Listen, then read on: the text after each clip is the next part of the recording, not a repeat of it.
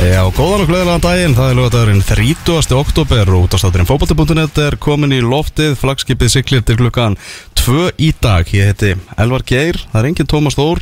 Í þættinum að þessu sinni, hann er vant við látin en ég er hérna með tvo góða menn með mér. Uh, Kristján Alli Ragnarsson, okkar sérfæðingur um ennska boltan, hann er mættur í, í hljóðverð, velkomin. Já, takk. Og hérna einnig er uh, Sæbjörn Stænke, velkomin Sæbjörn. Jú, takk fyrir að fá mig.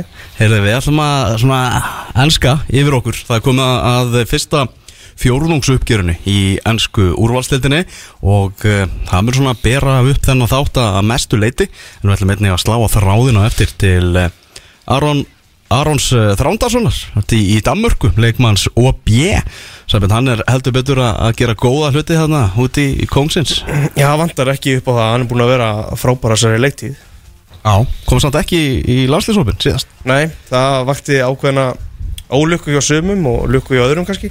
En það var mjög óvænt, Það var óvænt. vel segja það. Já, en eins og þú segir, þá er það enski boltinn, við ætlum að hér rétt og eftir að heyra í Tryggva Páli Tryggva sinni fréttamanni og sérfræðingi um Manchester United því að það er, eh, það er Olga hjá United sem er að keppa móti Tottenham í, í dag, það er óvægt að segja það. Mögulega síðasti leikur Ólikun og Solskjær ef að ítla fer, býðum og sjáum.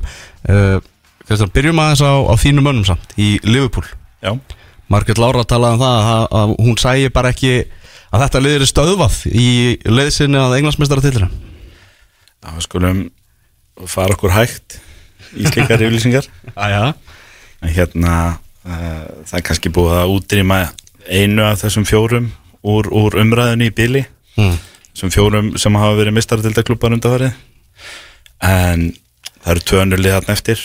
Uh, ég veit ekki hvað maður á að segja um Liverpool, þeir eru bara frábærir. Mm og það er einhvern veginn fulla að ferða áfram og alltaf ganga upp upp að þessarar leiktíðar og er það vel hérna ég veit ekki það eina sem maður spyr sér þá kannski hvort þeir séu á topp á snemma eða eitthvað sko halda með þessum dampi næstu sjö mánuðin eða átta til að klára þetta.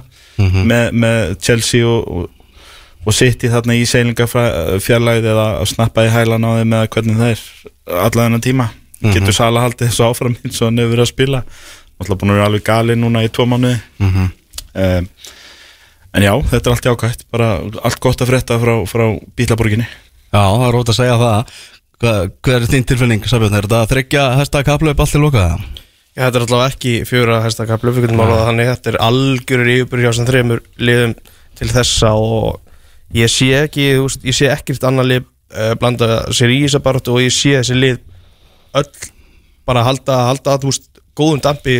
Já, segjum allavega út um mars og svo sjáum við kannski til hvort að eitt af þessum liðum kannski þetta er úr takti vegna mistratildar en eitthvað sluðis já, það er kannski það sem ég myndi helst segja ef ef ég á að reyna að vera eitthvað neikvæður í Garð Leopold sem að líta mögulega þráttur að vera stíð eftir Chelsea líta mögulega best út af þessum liðum, finnst mér í upphæðilegt tíðar er að ég kannski horfa á þetta, það eru tvö stíð sem aðskilja hérna Chelsea í fyrsta og, og City í þriðja.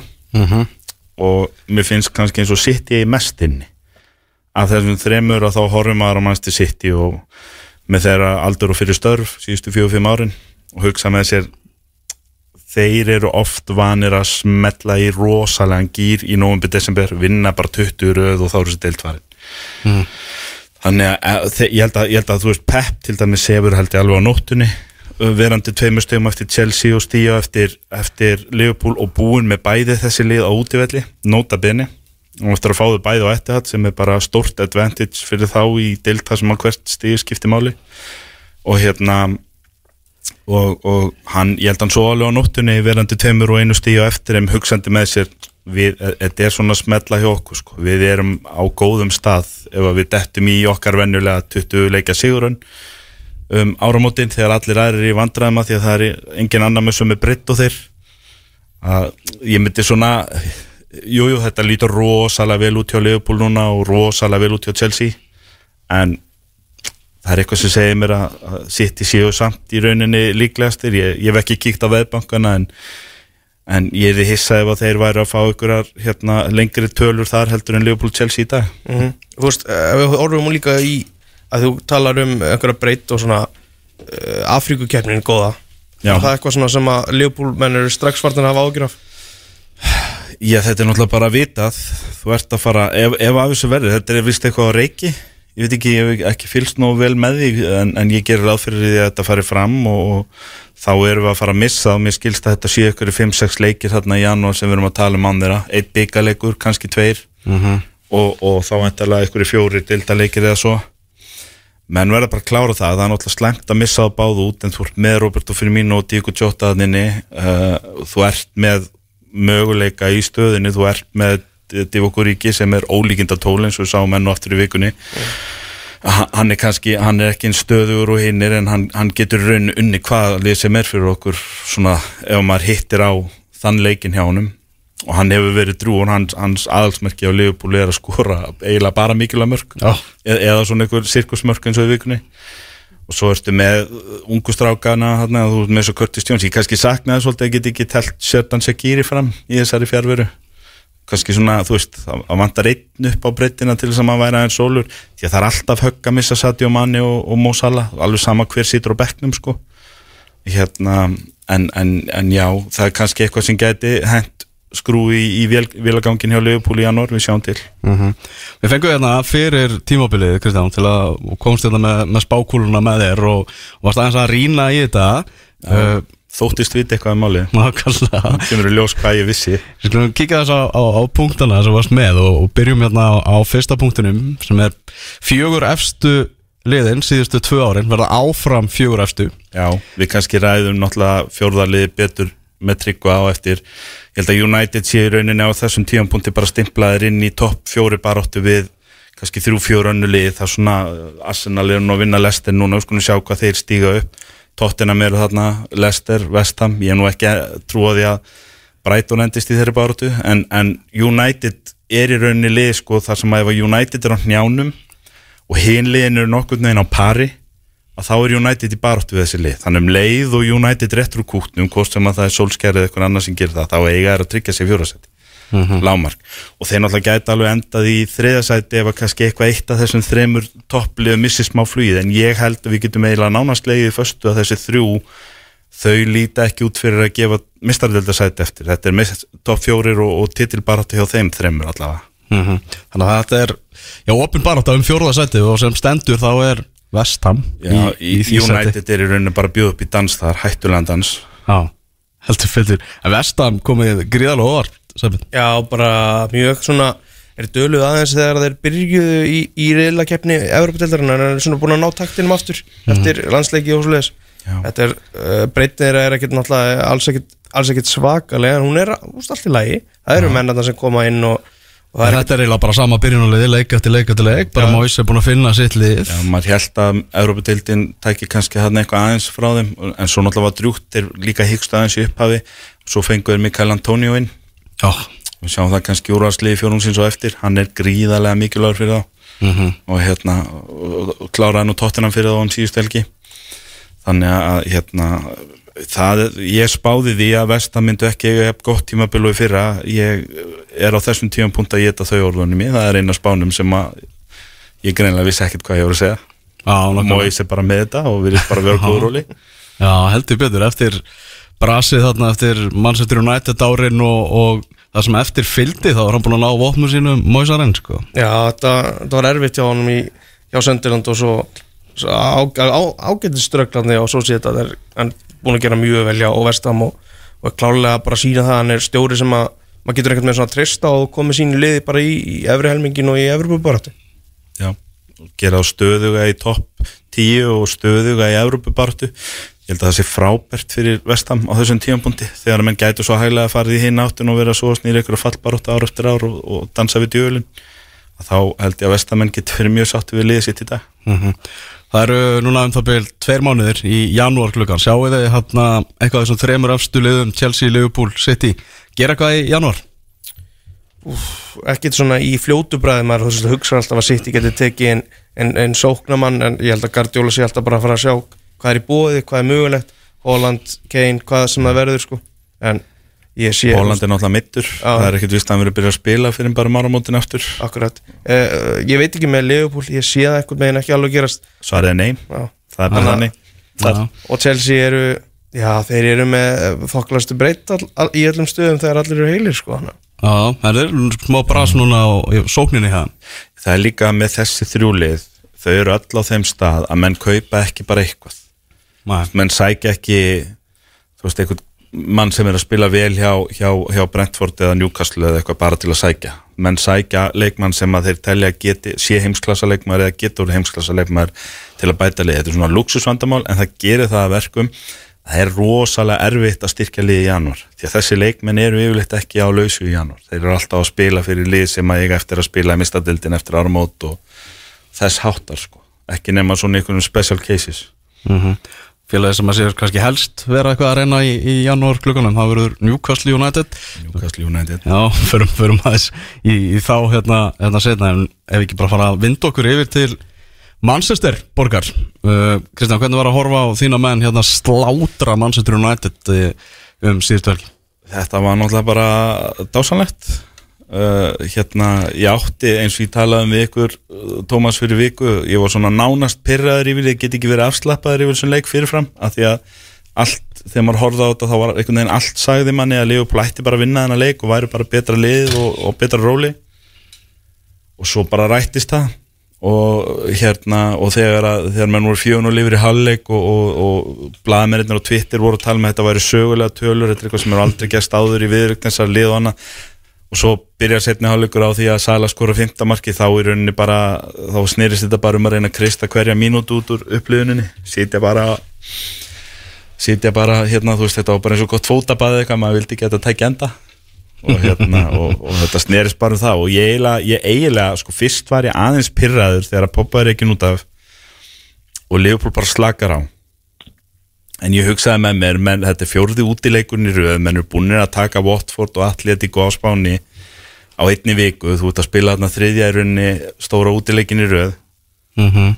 og hérna og menn bara slöku á. Og, og svo fór ég bara einhvern veginn datt í hingýran mér fannst það eiginlega bara fallegra heldur en að bæta við tveimur mörgum ég fannst þetta meira pyrrandi meiri niðurlæging fyrir United að hann skildi bara fara að kippa mönnum út af og vera bara einhvern veginn reytabolta í hálftíma það held ég ég, ég á öruglega eftir að sjá Liverpool spila vel á Old Trafford aftur, ég er ekki vissum að ég muni sjá Liverpool spila hálftíma reytabolta á Old Trafford aftur á minni æfi og ég á nóg eftir. Það, það var einstakt sko, og það í rauninni er það er bara búið að hlýja mig svolítið í þessari viku. Alltaf þegar mér líður eitthvað illa í stípoll eða eitthvað sko er pyrraður á lífinu og tilrunni og svona staldraði við, loka augunum og, og hugsa um reytaboltan og Old Trafford. Og þá bara líður mér rosalega vel. Já, á línunni er Tryggvi Póll Tryggvason, fréttamaður og, og Manchester United stuðnismæður Tryggvi, ég held að, ég held að giska á að þín upplifun á þessum leik hafi ekki verið í líkingu við það sem að Kristján var að lýsa. Nei, ég var bara sammálun, þetta var bara últimut niðurlæðingi þessi, þessi, þessi, þessi setni hálfleikur í þessum leik sko, að fylgjast með Leopold bara taka, taka hérna svotina bensíkjöfunni og, og, og slappa af þessi leikur. Hefði getað farið bara 10-11-0 eða eitthvað, þetta heldur svona áfram. Uh, og þú veist það sem er eiginlega, og ennþá verða við þetta leik, leik var að, að Leopold var ekkert að spila eitthvað, eitthvað þú veist, þeir voru ekkert að spila frábæla eins og þið gerðu bara því fóru svo veist, það, það var bara það sem ég gerði og uh, náttúrulega þegar hérna, þegar anstæðingur spilar frekar hálfvitalega taktík þá náttúrulega bara þetta sem gerist þegar þú mætir góðu liði. Þetta var já, bara mjög vond alltaf það Já, það, það, ég tók einmitt eftir því líka tryggvi að Leopold voru ekkit sérstakir í rauninni í þessum fyrirháleik, mér varst þið betri gegn Motvort og þeir, það, menn voru kæruleysislegir í sendingum menn hefði alveg getað fengið það í baki gegn liði sem var vakandi og reyði búið að refsa Leopold og, og hérna, og Klopp talaði hann sjálfur eftir leik, hann sagði við menn í hálfleik við þurfum að spila betur í setni verandi fjögur nú lifur Old Trafford þannig að það kannski segja mörg orð, meiri mörg orð um, um uh, ástandi á þínum Já, já, þetta er sko það er eiginlega þessi svona hálf pressa sem United beitir stundum sem er náttúrulega bara döðdómur frá þetta svona góðu liði eins og Leopold það sem einhvern veginn einn er að pressa og hinir ekki og það er svona mjög lítil taktik í þessu og náttúrulega bara opnast allt fyrir jafn gott lið og, og Leopold og hérna kannski bara munurinn á þessum liðum er að hann er annars vegar mjög vel þjálfa lið og annars vegar bara mjög illa þjálfa lið sko. það er bara held ég Kristaflast svona mest þar? Mm -hmm. Talar um, um taktíkina er það bara þar sem að Ole Gunnar Solskjær er langt á eftir þessum bestu stjórum í, í deildinni? Já, ég held að það sé nú frekar augljóst sko, hann er að hérna hann er ekki á, á, á, á parið við það, hann hefur gert alveg margt ágætt og, og svona kannski stabilið þessar, þessar skútu ágætlega frá því að Mourinho var búin að pakka hana í sig sko, en, en maður sér það bara sko í þessum leikjum og þessi hálfpressa sem er bara er svo svakalega klúðislega einhvern veginn. Og, og líka ef maður horfir á til dæmis bara Liverpool City og Chelsea að- sóknleikurinn er svo hann er svo skipulaður sko á ótrúlega margan hátt. Leikmenn vita nákvæmlega hvað allir hinnir eru og hérna, búa til svona ótrúlega skemmtilega sóknleik út af því en á meðan United er þetta bara svona þú veist, farið út og spila í fótball það skilur það, það er ekkit það er eiginlega engin taktík þarna á bakvið neitt sko.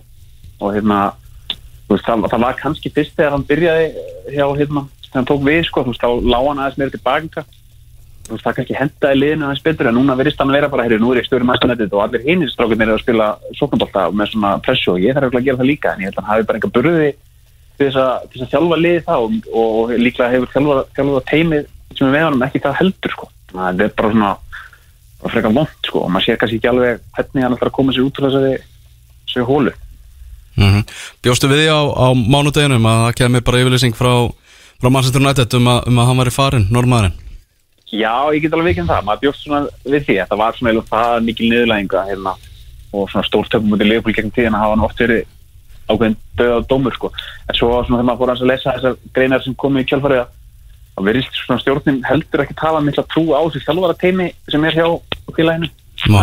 þá er það spurningi hver að hefði það taka við í viku tvær það er ekkit augljóst svar þannig að og þeir náttúrulega augljóst ekki með neitt plan B, þú veist, hvað átt að gera þannig að þeir þá kannski var þá já, ömuleg stað að það er fyrir sólskir að vera í einhvern veginn svona dead man walking sko, þú veist, þá, þá gat félagi kannski svona, svona eftir að hyggja, kannski ekki endilega að losa sig við hann strax sko, í rauninni, þú veist, þeir voru kannski ekki bara læna neinum upp strax sko. mm Þessi nöfn sem hafa verið í, í umræðinni náttúrulega Antonio Conte svona mest verið, verið talað um hann og svo einnig náttúrulega Brenda Rodgers líka, hvernig svona líst þér á þess að kosti sem hafa verið í, í, í umræðinni Æ, mér finnst þetta ekkert, mjög spennandi sko, ég var spurður að þessu hjá okkur á í vikunni og ég er bara svona hálfpartin skilaði í þau mér, þessi nöfn gera mér ekkert mjög mikið fyrir mig sko, Conte kannski væri áhuga að vera ráðning bara því hann er svolítið klikkaður sko. Mm -hmm. uh, en þú veist, hann kannski er ekkert svona long term dæmi, hann er svona kannski hann er yfirvilt bara stutt hjá hverju liði en kannski, kannski er það sem vantar hjá félaginu, svona smá spark í, í raskati og hann myndir náttúrulega gera ákveðna kröfur á, á stjórnina og annað sem, sem kannski væri gott fyrir þá að hérna, að að fá eitthvað svona nagla sem, sem hún gerir kröfur sko, Rodgers mögulega kannski svona með fótbolltarsinspilar er hann spennandi en, en maður gerði svo mikið grín hjá hann þegar hann var í að ég ég, ég, ég, veit maður getur bara ekki, ekki með svona meðtekið það, sko. Ég hérna, Tryggvi, ég las mjög áhuga að vera grein í Guardian í gæður eftir Jonathan Liu uh, þar sem hann talaði um það að það væri komin tími fyrir Manchester United að slíta sig svona úr skugga Sir Alex Ferguson. Hann talaði um að Ferguson, það er 8 ár síðan hann, rúm, síðan hann hætti með liðið og á þeim tíma þá er þetta fjórði stjórin og þrýraði með eru menn sem hafa verið mjög hlýðhóllir Mourinho eða jafnvel með tengsl við Mourinho og eru, nei, nei við Ferguson segi, Mourinho, uh, Moyes og, og svo núna Solskjær í rauninni eina skipti sem að menn reyndu að koma með svona einhvern uh, utan að komandi kultúr og, og smá svona pedigree inn í félagi var þegar að menn sóttu Fangal en hann náttúrulega fór í stríðu allt og alla hjá félaginu. En, en hinn er þrýr og Mourinho meira segja í rauninni svona fær starfi svolítið að því að, að því að hann er svona mjög mikill svona buddy buddy við, við Ferguson og, og, og, og hefur alltaf talað vel um hann og, og var með hann svona kantinum í stjórninni eins og Moyes og Solskjær uh, hvað segir United maður við því? Mér finnst það mjög áhugaverð lesning að, að því ég tengi svo við þetta því að við Leopold menn vorum þarna í 20 ár að, að menn áttur rosalega erfitt með að sleppa fortíðinni og kannski byggja upp eitthvað nýtt. Já, ég held að það sé alveg ágætis punktur þannig sé, Menna, hann er orðin hvað 79 ára gammal, eitthvað sluðis uh, og þú veist, er ennþá í stjórninni og, og á, á að verið með puttana í því hvort að hérna ekki að reyka solskið ekki og þú veist, á einhverju tímapunkti þannig að það er svona, það stóð fíkur að það er náttúrulega ekki tækt að einhvern veginn bólum í burtu. En, en jú, þú veist einhver, á einhver tímapunkti þarf félagið að, komast undan skugganum og bara, þú veist, fylgja einhvern veginn nútímanum sko, því að mann finnst solskið svolítið vera bara svona þú veist, ég er stjórnundið uh, ég þarf bara að vera með einhverja unga enska leikmenn og ég þarf bara að mótivera það aðeins þá erum við góðir sko, sem var kannski svona ef við sjóðum uh, og einföldum mjög filosófuna hjá, hjá Ferguson, það var það bara svona svona þannig að veist, það, kannski þess vegna sem Conte var ágætið, hann væri svolítið svona, svona menningalegt reset. Já, er, er engin hætt á því að hann myndi bara fara sömuleg og vann gal bara kom inn Jú, og, jú. og segja uh, svona hefðum klúpsins strið og hendur og Jú, ég held að og, og það er kannski sem maður er að hugsa hérna, veist, kannski er United bara á leiðinni þú veist, kannski þar er þetta bara einhver 20 ára eðmerku ganga þar sem liðið þarf einhvern veginn bara námst að fara á botnin eh, eins og Leopold gerði til þess að einhvern veginn rífa sig upp aftur undan eh, sem sem skugga þessar greiðlega velgengni hinn ára tíðina undan, sko. það geti verið Eh, en svona það sem er kannski verst í þessu er að maður hefur veist, þegar Van Gaal var ekki nei, var ráðinn og þegar Mourinho var ráðinn þá hafði maður alltaf svona kom svona von, skilur þegar, þegar hann hérna maður segja, ok, þeir eru, þeir eru að fara að gera eitthvað. Núna einhvern veginn hefur maður bara ekki neina eins sem trúi því að, að þeir sem eiga þetta félag, þeir takist að rampa á réttu niðurstöðuna hvað skuli gera, sko, maður hefur bara maður hefur enga ekki tröst á því sem þeir gera, það er ekki neitt, sko. Ég kannski, uh, þeir hugsa Leopold meina því að við vorum í það, á þessum staði í 20 rúm ár, 25 ár og svo allt í hennu mætir Jörgjörn Klopp á staðin og það sem að engendi Klopp frá degi eitt hjá okkur var að, að hann var fyrsti stjórin síðan að í rauninni dagli steg frá borði 1990 þar sem að maður upplýði það að klúburinn var í rauninni þakklátur fyrir að hann valdi okkur en ekki öfugt. Allir aðrir voru búin að komin og í rauninni þurfa að sanna sig í starfinu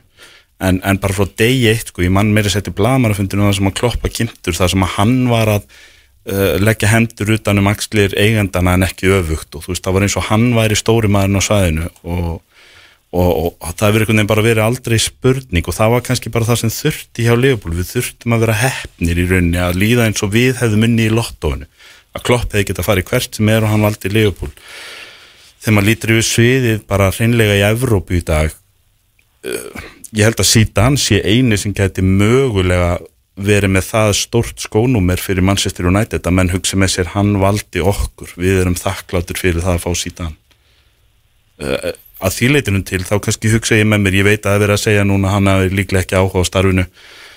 En þegar ég hugsa það út frá þeim sjónarhóttni uh, þá hugsa ég að, að Zidane væri mögulega bara besti kosturinn sem það er í vetur eða í vor. Uh, ertu samanlega því? ég, ég veit ekki, maður er alveg að hugsa sko, að því hann alltaf náði frábærum árangum með Real Madrid en maður veit ekki veist, hversu einstakt er það við Real Madrid sko, næra hann að yfirfæra hann árangur eitthvað annað. Ég veit það ekki.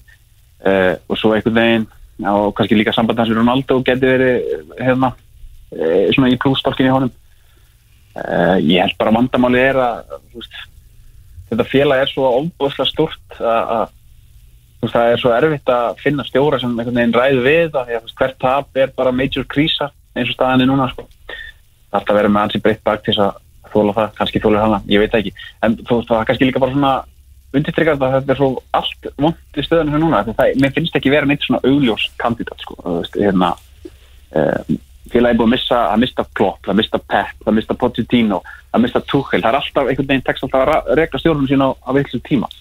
Það hefur alltaf verið svona einhver, maður er alltaf hort á einhvern eitt kandidat sem uh, geti tekið við þessu, en mér finnst það ekki vera neitt á lausu akkurat núna. Gleimum því ekki að náttúrulega tala um Pochettino Ég menna hann var laus þegar að Solskjær var ráðinn.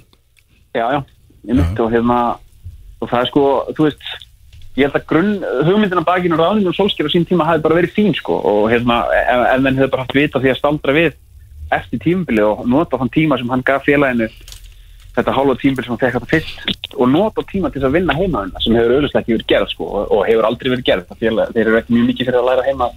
Þessi, hérna, þessi eigundur í miður. Mm United á, á Tottenham í, í dag Atalanta svo í mestaradeldin og svo á Manchester City um næstu helgi. Squid Game vikan hans Solskjær Já. Gárun Garnir, ég, ég, ég sé ekki hvernig hann lifir þetta af. En sko mér finnst bara mjög líkilegt að hann fari aftur í svipa bólta og hann spilaði hérna, fyrst gekk ágætlega sem hann lætur liðið líka hans tilbaka það kannski nýtir styrkleikuna aðeins betur í staðan fyrir að vera að pressa með tvo leikmenn og alla hinna einhvers þar alltaf að gera eitthvað allt annað. uh, þú veist, mér finnst það mjög líklegt og hérna, hann hefur sem að ná ágætis árangur gegn City. Hann er með pínu tak á, á, á Guardiola sem er, sem er hérna, ágætt en hann það tak mest ekki með því að þessari heimskulegu hálfpressu hans.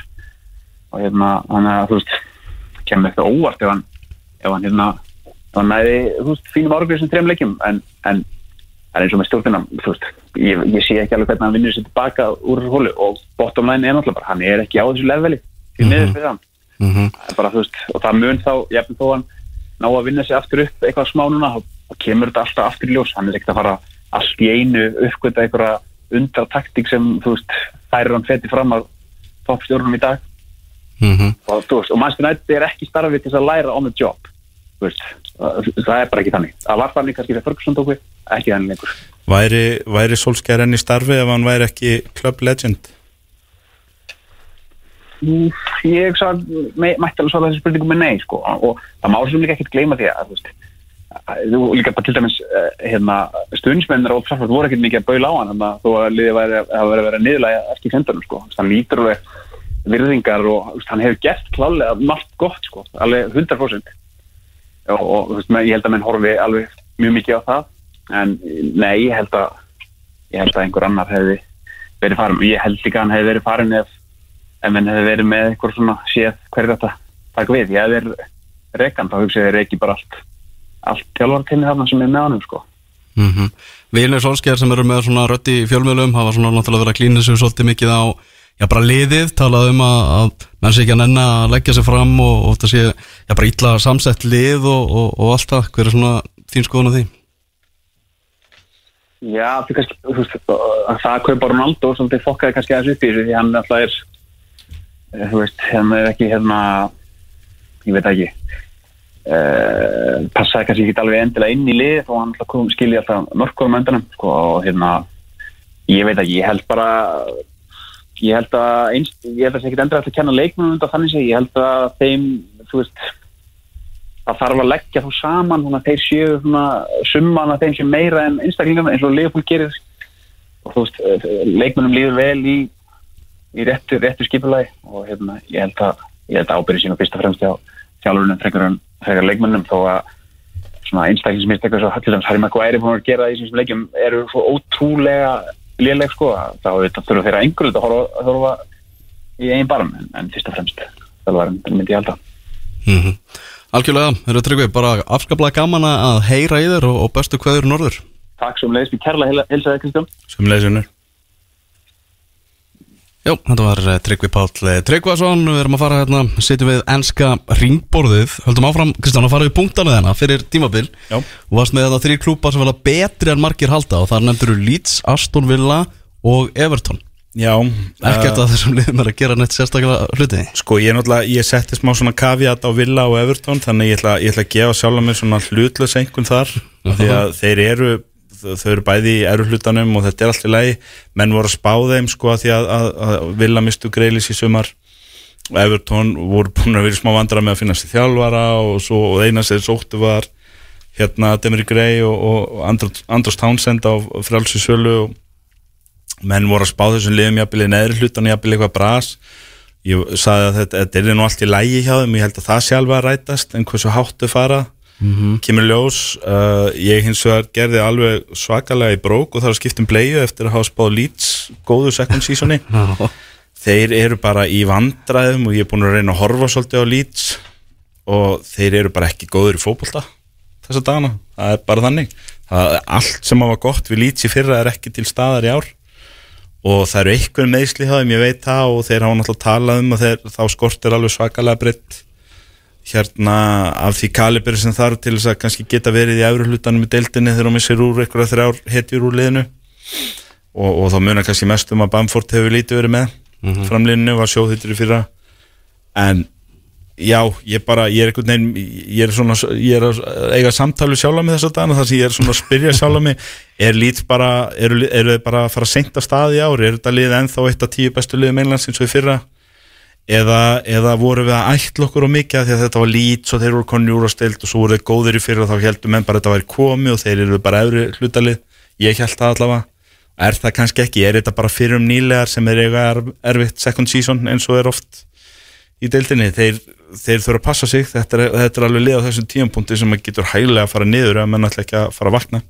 Og kannski þarf Bjelsa bara breytum taktík ef hann hefur ekki breytina til að spila þessa taktík í fjárveru þryggja fjöri, ég veit það ekki hann er ekki líklegu til þess að fara að breytum taktík.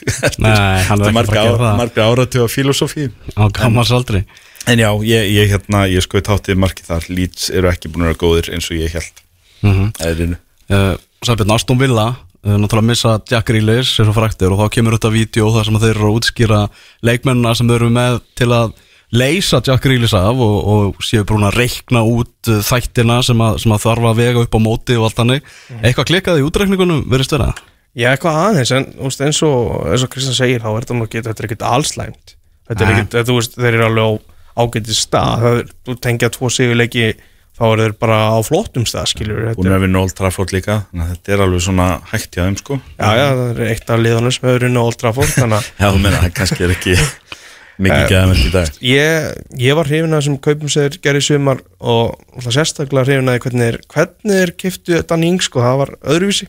Og úst, ég bara, ég ætla ekki að taka undir að það hafa eitthvað mikið klikka, ég ætla að gefa þeim alveg sensinn, sko. Já, Búendía, hann var svona eftir að, eftir að komast að stað. Já, Já, ég meina, þeir eru í efru hlutanum eftir hæga byrjun þá, þú veist, eiga meira inni. Þessir, þessir nýju kaupin hérna Moneyball kaupin fyrir Greilist þeir eru svona uh, Dannings byrjaði strax á að skora og svo er aðeins hægstaði hjá honum. Leon Bailey og Buendía eru svona aðeins að þetta í gang núna. Þá held ég að vera allt í lagi með þá. Ég er ekkert endilega að spáði með Europasæti ár en, en ég held að þetta klubbu sem að heldur sér topp 10 árið eftir að Mr. Jack Grealish að þá er það bara flotta stóði til að byggja glæsilega svalir á næsta ári mm já, bara svona meðan þeir geima líka Brasli Young á back. Það er líkill í þeirra árangri. sama kannski með Everton. Ég, ég, hérna, ég náttúrulega er tím Rafa og það er vitað.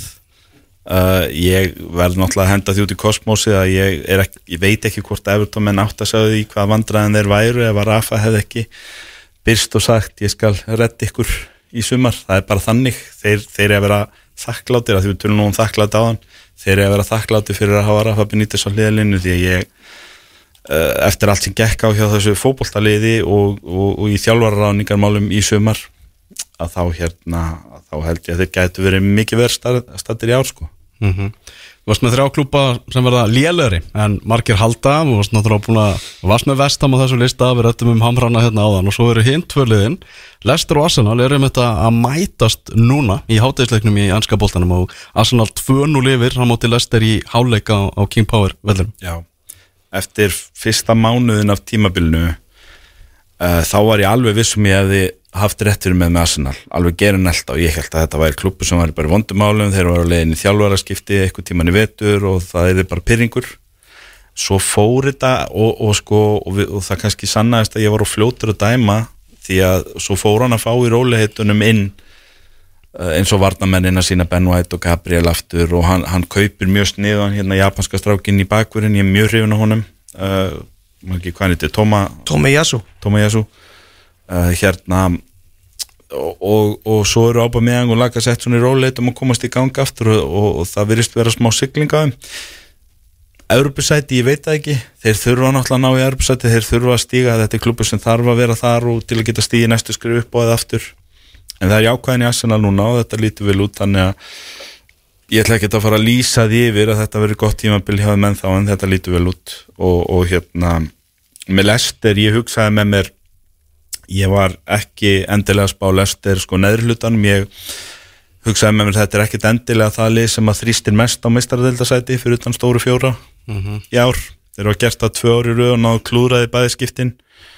Og þá svona spáði ég því að það kemur svona smá dropp í þessu hjá þeim núna. Það er kannski ekki alveg sama hungur eða trúa á þessu í ár. Uh, og, og það er kannski bara rætast. En, en Lester er alltaf klubur sem er í topp 10 og þeir verða það og verði baróttu með Europasæti og ég myndi spáði með Europasæti í vor en vera, vera að loka leik tímabilsins frá því að komast í mestaradeldi ég er ekki sem að Lester verði þar í ár og ég stendi það. Mm uh, Svo varstu með þá að spá að allir nýliðarnir eru þau í fallbaróttu og, og tvö af uh, nýliðunum myndu falla. Með annarkvort sáþáttónu að Crystal Palace. Báður einnig úlvonum vandraðum og lignari sjóan oft áður hjá Newcastle, Brighton og Burnley. Já, ég hérna uh, ég, ég, ég neldi Brighton. Þeir eru, þeir eru spútninglið tímabilsins það sem að er. Mm. aldrei þess að sigla, sigla lignansjó og, og betur um það. Þeir meðan endar alveg taka sér frí frá því klukkan tvö í dag Já. hérna, en eftir það þá mega er endilega vera bara bjartir aftur. En, en já, ég, ég hafði einhvern veginn ekki trú á Sáðandón þeir eru þarna í botninu en þeir hafa verið segir í ár. Ég held þeir myndu bara reynilega sökkun svo steitt sko. Uh, Wolves hafði ég ekkert endilega trú á mér fannst þeir svolítið óskrifaðir en þeir, þeir svona segir, er svona segla í þeim. Ég, ég er ekkert við sem er fallið en þeir fara ekki tátt í ár. Uh, og hérna Newcastle er náttúrulega kapitúli útaf fyrir sig. Ég veit ekki hvenar ég sé það áður að menn séu dansandi á götum úti af kæti þegar að liðið þetta er í næst næsta sæti dildarinnar en það gerðist í, í, hérna fyrir þreim aukum hjá Newcastle United. Og það eru liðnir tveir fótballtaleiki síðan og þeir eru ennþá í næst næsta sæti. Og ég veit ekki hvað mun lagast þar fyrir í janúar, fyrir að menn geta látið að peningana byrja að tala til þess að bæta liðið. En, en Bjart sínin er botlaus þar eins og þeir sleppa við fallið í ár.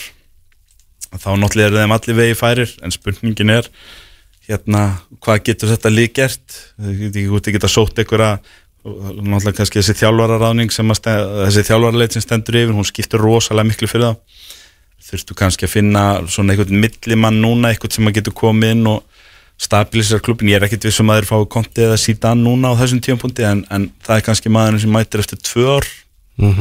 Þegar að liði kannski hérna, það er búið að bæta leikmannhópin og, og þjálfara og æfingastöðuna sem að mér skilst að sé bara eitthvað aftur úr fornöld þarna og kaupa betri leikmenni liðið en á þessum tímapunkti þá er Newcastle held ég lið sem að getur í besta falli vonast eftir að vera bara svona uh, rétt fyrir ofan falldraugin sko, þeir eru bara með leikmannhóp sem á að vera í fallbárt í ár, saman hver kemur að inn. Ég er bara möguleik á því að að Newcastle verði champions deildin á næsta tíma Það er náttúrulega rosalegt með alla þessa peninga en, en nei, ég held sko ef að þetta lið er ennþá í fallsæti 1. janúar, þá held ég að þú munir sjá móður og föður allra panikkaupa í janúar þá held ég að þú munir sjá bara eitthvað bull sko, þá, þá, þá eru menn að fara að setja 100 miljónir í Divok og Ríki og eitthvað svona bilaskilu til þess að reyna að redda sér. Að því að að því að þú ert ekkit að fara að fá Neymar eða, eða Harry Kane á þessum tímapunkti. Og með liðið í þessari stöð það, það eru menn sem segja bara nei við ætla ekki að fara að droppa niður í næst næsta sæti í ennsku úrasteldinni en hérna, en það er eins og ég segja það er kannski hægt að sækja hann einhverja menn. Kannski náður í Divock Origi og James van der Beek hjá, hjá United og eitthvað svona leikmenn sem eru kannski góði til að sitja á bekknum og, og, og, og er ekki að fá spilatíma hjá sér betri liðum. Og það getur kannski verið eitthvað með góðum þjálfara að ná í þrjá fjóru súli sem að liftir þeim upp úr fallsætinu í, í janúar en það verður örgulega fólk dýrt fyrir þá að eigða þeim peningum. Og, og hérna en já, ég, ég held að Newcastle falla aldrei, ég held þeir, þeir eru með stóran gikk til að toga í janúar. Hérna peningalega séð til þess að bjarga sér. Hvernig þeir gera það. En, en, en þetta veltur rosa mikið á þessum þjálfara sem að koma. Ég hins vegar spáði að tveir nýlega myndu falla og á þessum tíambúndi þá held ég að það sé eiginlega bara ekki að rætast, ekki nema þá bara Ranieri renn á rassin með Watford og hann hefur ekki sínt það í gegnum tíðin endilega að hann sé að gera það með svona lið? Norræðs náttúrulega skítfællur Norvits skítfellur, það, ég skil til dæmis ekki hverju Daniel Farke var ekki látið fara eftir að tapa 7-0 á móti Chelsea. Ég veit þetta er Chelsea en Farke og ég veit að hann er velið en hann er rosalega vinsæll og þeir eru rosalega góðir í Championship-bildinni og þeirra mótil snýst einhvern veginn um að reyna að halda sér uppi án þess að skuldsetja félagið í peningakaup, eða leikmannakaupum þegar þeir eru í júrasteldinni en á einhverjum tímapunkti þá hljóta menn að segja það er svo, þú veist, það er auðveldast í stöðunni að skipta þjálfaranum út og mér finnst það eiginlega bara metnaðleysi að ætla að leifa sama þjálfaranum að bara skítfalla aftur. Hann gerði þetta síðast, kom upp rosa góður í Championship-deildinni beint niður, svo kemur hann aftur rosa góður upp og ætlaður að leifa honum að fara lóðurétt niður aftur núna eða ætlaður kannski segja, heyrðu við getum alveg sótt Steve Bruce eða, eða eitthvað. Við getum reynd eitthvað annað til að halda okkur upp í ár án þess að eða einhverjum háum upphæðum í leikmenn. En eins og staðan er núna þá eru þeir niðri. Brentford er hins vegar náttúrulega að koma mjög skemmtilega óvart. Virkilega. það er bara leið sem að virkar á maður núna eins og þeir séu bara ekkert að leiðinni niður og, og, og það er eins og eitthvað saði sko, það, er, hérna, það er komið nýtt stóklið í dildina en á eitthvað nótrúlegan hátt þá er það stóklið sem öllum líka vel við það er allir búið ánæður að sjá hvað þeir eru að gera þetta vel og moneybola þetta vel hann uppi. Og það er stemming á vellinu þeirra, þeir eru erfir. Hérna þannig að já, þetta er kannski spurningin um Watford. Ætla Watford að vera niður uppi? Hvort að þessi spáminn rættist með nýlegana en ég held að Norwich séu niðri ef að þeir gerir ekki eitthvað rótækt og ætla bara að vera sátti við Daniel Farki Þú spáði því að Patrik Vieira er þið fyrsti þjálfarinn til að, vera reygin, fá sparkið. Ég, ég saði það aldrei, Elvar. Nú? ég neita því og, og hérna og þú fær mig aldrei til að viðkenna að ég hafi spáð einhverju öðru en að Watford er það sjálfsögðu fyrsta liði til að reyka stjórn sem ég hlýta að hafa verið á livjum þegar ég spáði þessu. Þa, það er ekkit út úr kú að halda að Crystal Palace séu eigi alveg til að gefast snemma upp á ungum stjóra sem er að reyna eitthvað nýtt. Það er bara það sem þeir gera og ringi samanlega í strax í oktober, það er bara það sem þeir gera. Það var ekkit út úr kú en auðvitað eru Watford alltaf að fara að vinna þetta. Þeir eru bara, þetta var bara galin spá hjá mér, ég veit ekki hvað ég var að hugsa þarna. Auðvitað að sjá Watford Cisco fyrstan á öllum. Og þeir meira að voru, þú veist, fyrir ómann Kristal Palace og allt þeir gerðu þetta, ég, þeir voru með deild. Ef maður skoða sko veðbóka í dag þá er Ranieri líklega hvað hva líklegast til að vera næsti stjóri til að vera reygin sko? Claudio Ranieri er í rauninni nánast sko of stort nummer fyrir nýliða í úrastildinni en hann voða sér ekki að tapa tveimur röð. Nei, ekki með þessa Nei, Ítalana hjá, hjá Watford. Þetta er náttúrulega alveg gali hvernig er hasi, hvað er þetta orðnið, voru þetta ekki orðnið tíu stjórar á, á, á, á, hérna, á nýja árum með eitthvað? Þetta var eitthvað, eitthvað galin tala, það er bara að menn endast að meðaltali skemur en ár hjá Watford. Aha. Svo það fór náttúrulega Steve Bruce eins og við var búist þegar eigandaskiptin gengu, gengu í garð og hann er örgulega vantalega bara okkur meðferðarstofnu núna eftir að hafa verið þarna lurkum lamin í, í stjórasætinu Já, sko ég þetta er, þetta er heimamaður þetta, þetta er maður með pedigri þetta er stuðningsmaður félagsins hann, hann er fættur og uppalinn á svæðinu fjölskyldan að spila þarna ég ætla bara að segja það að ef allt sem hann segir er satt og ég efa það ekki -hmm. Að þá urðu stuðningsmenn njúkaslu sér bara til mingunar með því að koma svona fram við hann vitandi við hvað aðstæður hann er að vinna. Nákvæmlega. Þetta, þetta, þú veist, menn eiga bara líka svolítið að skammast þín og, og þetta er bara eitthvað sem við sem knaspunni aðdáðundur hvort sem er hérna heima eða erlendis getum öll tekið til okkar. Að hérna að það er allt í lagi að hafa í huga líka að, að, að hver einasti maður eða kona sem stendur á hliðalínni og stillur upp liði og, og tekur æfingar með fótboltalínu er að gera sitt besta fyrir klubbin mm og ég get alveg verið á þeirri skoðun til dæmis að það er að reka stjóran hjá mínu liði án þess að þurfa að fara í uh, þær upprópanir og persóna árásir sem að Steve Bruce segist hafa orðið fyrir í Newcastle. Mhm. og þetta er bara til skammar Nákvæmlega, með þennan eiganda sem að bara var með búin að hefta Já, verkið saman sko. Já, sjáðu bara stormin til dæmis sem Ole Gunnar Solskjær er í hjá Manchester United núna Já. við tökum hann sem dæmi hann á samt ekki skilið þrátt fyrir að það séu 95 eða 6% stuðnismanna og annara í kringum Manchester United á þeirri skoðun hann eigi ekki að vera í þessu starfi lengur og það sé komið tíma á hann og það hafi verið löngu komið tíma á hann og bla bla bla ég ætla að vona að það skilir sér samt ekki í, í þess konar personunýði eins og Steve Bruce lísti bara þarna eftir að hann hætti starfi sinni á Newcastle. Að því að, að það er bara stuðnismönnum United til minkunar eins og þessi hegðun er stuðnismönnum Newcastle til minkunar og, og við hinnir sem að höldum með hinuliðunum okkur vantar, okkur vantar engar fleiri kvartningar eða fleiri kvata til þess að, að hérna, vera illa við Newcastle núna þegar þeir runnu í mannréttinda brota lottóðinu Já, en hérna, en ef að menn ætla að haga sér síðan svona hliðalínu líka þá má þetta liðurinn bara fara niður og eiga sig sko. Þú ert að hlusta á fótbolti.net á exinu 977 Já, við sittum hérna við ennska ringborðið, Elvar Geir, Sæpitt Stænke og Kristján Alli og uh, það er komið að því. Kristján, það er komið að valinu. Það er fjórðungsuppgjör ennsku úrvalsteldarinnar, úrvalslið tímabilsins hinga til. Já.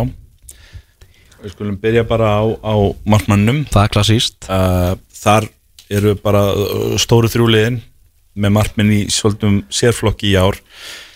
Uh, Tölfræðin segir okkur að þeir eru jafnir og efstir Ederson, Alisson Becker og, og Edward Mendy með fimm sagt, í keppninum uh, gullhanskan. Já, Uh, þeir hafa haldið fimm sinnum hreinu í átta leikjum hver. Þeir hafa allir mistað einum leik fyrir sitt liði deildinni hinga til. En þegar ég horfa á að spila þá verð ég að gefa Edvard Mendy þetta. Uh, Edvard Mendy er bara búin að vera galið góður Mm. fyrir Chelsea í upphæðu þessa tíðanbils og hann er þegar á, á nýju leikjum búin að eiga tvær af ángríns bestu markmannsframistum sem ég hef séð bara í ára raðir í enska boltanum. Það var á Anfield gegn Liverpool sem að Liverpool eru einum fleiri allansetni á leik og þeir vinna þann leik svona 5-1 eftir að hafa lent undir ef að Edvard Mendy er ekki í markinu. Hann er gali góður þar og svo á einhvern ótrúlan hátt þá var hann ennþá betri hérna fyrir halvum mánu eða þrem mjögum á vellinum hjá Brentford þar sem að Chelsea vinna 1-0 og ég, ég lab, veist, ég bara stóð upp frá þeim leik og sagði hvernig töpuð er ekki þessum leik? -hmm. Því að ég hef bara ekki séð svona framistöðu markmanni lengi og hann er bara búin að vera hann er að stimpla sér, þetta er gæi sem eiginlega engin annar hafði áhuga á þeirri tókan sérstaklega ekki af stóruliðunum og, og hann bara einhvern veginn um leiðum hann byrja að spila þarna og sérstaklega eftir að Tuchel kom inn þá sá maður strax bara einhvern veginn vá, þessi gæi er bara í hæsta klassa og hann er bara búin að vera það allt þetta ár. Og hann, hann, hann er bara óárennilegur þannig að þeir félagar hafa oft fengið hrós á mér og ég, þeir hafa náttúrulega verið bara brassarnir tveir mjög góðir.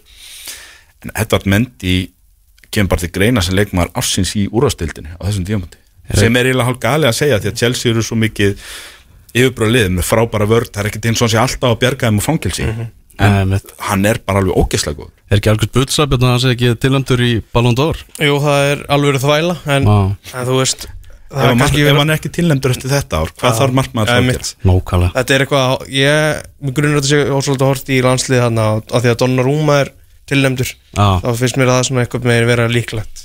Já, hann Mendy var ekki á EM nei. var, þú veist, stærsta sviðið og allt það. Já. Já. Hvað hva leikaferð er, er þetta að bjóða upp á? það er fjóru þrý þrýra venju. Ok. Við erum ekkert að flækja þetta ofn ef einhver sérstök ástæða gefur til. Uh, í hæri bakverði er ég með leikmannin sem að við gætum og, og, og er svona samkvæmt flestu mælingum í rauninni næst besti leikmaður tímabilsins í úrstildinni ef við getum sagt að Mendy sé í þriðasæti það sem af er. Og það er Trent Alexander-Arnold sem er heldur betur að koma tilbaka eftir erfið tímabili fyrra það sem hann fyrir COVID og, og, datt út á landsliðinu og var í þeirri umræða allir og svo var hann í meðslavandræðum og, náði sér en aldrei á strik með að við síðustu tvö ár þar áður. En þá ungu maður hann er bara búin að galgur, ég er náttúrulega búin að horfa á alla liðupúleiki og Trent hefur aldrei verið betri enn á þessu tímabili. Og hérna hann er búin að spila sjö leiki. Milner hoppaði í skarði í tvo leiki fyrir hann. Og hérna gerði það stakir príð eins og hún er með lagið. En í þessum sjö leikjum að þá var hann búin að leggja upp þrjú. En það segir ekki allt því að hann er í rauninni playmakerin hjá Já. hann er svo uník leikmaður að tílitunum til með sala fyrir framann sig að spilamennskan snýst sko um það að koma trend upp öllum með boltan og hann er hæri bakur. Og, hérna, og þegar hann fær pláss á miðlinni til dæmis með boltan til þess að líti upp Sadio Mann er aldrei hættulegri heldur en þegar að trendi með boltan á miðlinni út á kanti sínmein að, þú veist, hann er rosalegur þar. Þannig að, að trendir í liðinu hæri bakuri, í vinstri bakur setja þá félaga hjá Chelsea uh, Mikkel Alonso og Ben Chilwell til að taka bara túkala á þetta og vera bara með róteiringuna sterka. Þeir eru bara, frábæri báður Alonso, Alonso hefur hérna gengið gegnum endur nýjum lífdaga undir stjórn Tuchel og, og, og virðist vera bara á, blúsandi siglingu en svo allt í hennu kom Ben Chilwell inn og búin að spila síðustu þrjáleiki og skora þrjúmörk og, og, og spila bara eins og besti vinstilbækur í Englands og annað Þannig að ég, ég hérna í sundlaðins en, en það er allt í leið, við erum topplið eins og Chelsea og City og við erum stjórnur á bekknu líka, þannig að þeir eru saman hana og ég get svo valið eftir aðtöngum hvort þeir að byrjar. Nákvæmlega Í miðurvörn eru svo uh, Joel Matip hjá Liverpool sem er búin að vera frábær og hérna hann, hann reyndar klopp gerði með smá grikk það er erfitt að velja hann viku eftir að hann var kvildur fyrir Konati og Konati var frábær á Old Trafford Mhm. en Liverpool eru náttúrulega búin að bara laga þetta með kaupunum á Konati og fá Matip og Gómez og fann það ekki alla inn að það voru menn með alvöru breytt í miðvarastöðunni. En Joel Matip hefur verið bestur að þeim og hann er sennilega bara búin að vera besti miðvörur deildarinnar. Hann, hann er bara búin að stinga öllum í vasan, það er alveg sama hvort er heita Cristiano Ronaldo eða Romelu Lukaku. Hann er búin að stinga þeim öllum í vasan og leifa Van Dijk að vera bara að sópa og stjórna spilin í róleitum hérna og við hliðin á honum ég átti smá vandræði með þetta af því að ég vildi velja úr, úr hérna bestu vörð deildarinnar Chelsea vörðinni og ég valdi á endan Anders Christensen. Uh, hann hefur verið mjög góður og, og hérna annar svona leikmaður sem að Tukkel hefur einhvern veginn rifið í gang og kannski sínt okkur meira en maður hafði trúa að byggja í honum. Ég held einhvern veginn að þetta væri gæði sem myndi bara svona fjara út og fara svo til út í nesi á næsta ári eða eitthvað skilur en Tukkel hefur fann eitthvað í honum og hefur rifið hann í gang og hann hefur verið stöður og góður fyrir þá. Hann har verið samlingslaus núna í sumar, ekki búin að gera nýja samling Já, það er spurning hvort að hann bara hugsi sér sjá sér leik á borði og, og semmi alvöru samning við eitthvað annan eða hvort að Chelsea vilja endan um bjóðunum eitthvað alvöru díl ég er ekkert þessum hann fáið þann díl á Chelsea sem aðri kannski vilja bjóðunum eins og hann að spila fyrir Chelsea núna. Á miðjunni er ég svo með þrjáleikmenn uh, þar, þar situr fyrir fram að vörnun og vendar hann að Declan Rice sem er allt í öllu hjá vestan og er að eiga frábært tímabil annári í röð og stíga virkilega vel upp uh, hann, er, hann er búin að hann, hann er að svona daðra við að vera svona djúpur playmaker hjá þeim, hann er með tvær stóðsendingar og hann er búin að vera að koma oft úr djúpin og bera boltan vel upp og, og auk þess að vera bara mjög órennilegur og, og bara erfiður flestum miðmönnum, yfirleitt alltaf þegar ég horfa vestam þá er ég hrifin að Declan Rice. Já, bara stöðuleikin í þessum gæja er rosalegur. Já, nákvæmlega, hann á Leik einhvern veginn eftir aldrei liðlegan leik sko, það liðlegast að svona sér frá honum með sjö. Það þannig. Og, og það er virkilega drúgt að geta treyst á það þegar þú ert að reyna að byggja miðjunæðina á, á vartantengilinum að hann sé þessi típa sem bara einhvern veginn er alltaf góður. Við hliðina á honum er, er Matteo Kovacic á Chelsea sem að minnst á að vera frábæri vetur. Hann er búin að spila átt að þessum nýju leikjum leggja upp fimm mörg, skora eitt og, og, og annar sem að Tuchel er svona kannski búin að gefa eins meira vægi en var hjá Lampard og, og hefur stíð upp og maður sér svona svolítið leikmanni sem Real Madrid sáu í honum núna. Náttúrulega gæði sem búin að spila fyrir Inter og Real Madrid Já. bara nánast fyrir tvítugt sko. Þannig að eitthvað, eitthvað getur hann í fótbolta og þó svo hafi tekið eitt og hálft tvö ár kannski að sína það fulli á Chelsea þá er hann að sína það núna. Og þriðji miðjumæðurinn er svo Júri Tílemans Já. sem ég hef verið mjög hrifin af uh, hjá Lester. Hann, hann er svolítið að stígu upp ég, hérna, maður er ennþá einhvern veginn að býða eftir að, að James Madison verði aðalgæðin hjá Lester en hann, það verðist ekki verið alveg að gerast einhvern veginn. Vantar stöðuleikan sem að Tílemans er að sína og Tílemans náttúrulega vann byggarinn fyrir það í vor hefur verið bara frábær upp að þessari leiktíðar og hérna og það er náttúrulega alveg glæsilegt hjá mér að vera með tvo lestermenn í liðinu í dag akkurat þegar þeir eru að tapa heimaðli fyrir Arsenal en það verður að hafa það. Það er rosalegt bara allir tílumans hugsa ekkert bara veist hvað er ég að gera í Lester þessi, þessi gæða Hann leikmaður. hann er leikmaður af þeim gæðum að hann fer á endan ef þeir gefa honum aldrei sem svo spil í mestardeldinni þá hlýtur ykkur að kroppja fyrir rest. Mhm. hver, hver sem það verður. Hérna, svo er það framlínan. Uh, Jamie Vardy er frammi. Já, hann er næst markaðastur í þessari deild með sjö mörk í nýju leikjum hann er 34 ára hann er, hann er einu hálf ári yngri en Cristiano Ronaldo og hann er eldri en Wayne Rooney. Ég held að menn átti sér ekki alveg á því sko, þetta er ekkert sjálfgefið. Það er eiginlega bara, þú veist, Didier Droppa og svo kannski núna Ronaldo sem að hafa verið að spila þessu level held ég á þessum aldri. Jalan Shearer og, og, og svona flestar heitunar voru kannski farin að dala 33-4 ára. En hann er ennþá bara að keppum guldskóin og hjá liði sem að er í, í bártu mistardeild og, og alveg með ólíkindum þessu gæi sko. Mm hérna og við hliðin á honum er, er svo leiði línuna svona Mikael Antonio. Gott að byggja upp liði kringum svona leikmann. Algjör bolti sem að enginn ræði við. Það er þú veist að glíma við þennan gæja sko, maður bara, maður vorkinni varnamönnum Já, bara vik eftir viku sko. bara sjóð heitur, hann er með átt hann er búin að spila átt að þessu nýleikjum hann er búin að skora sex mörg og leggja upp þrjú.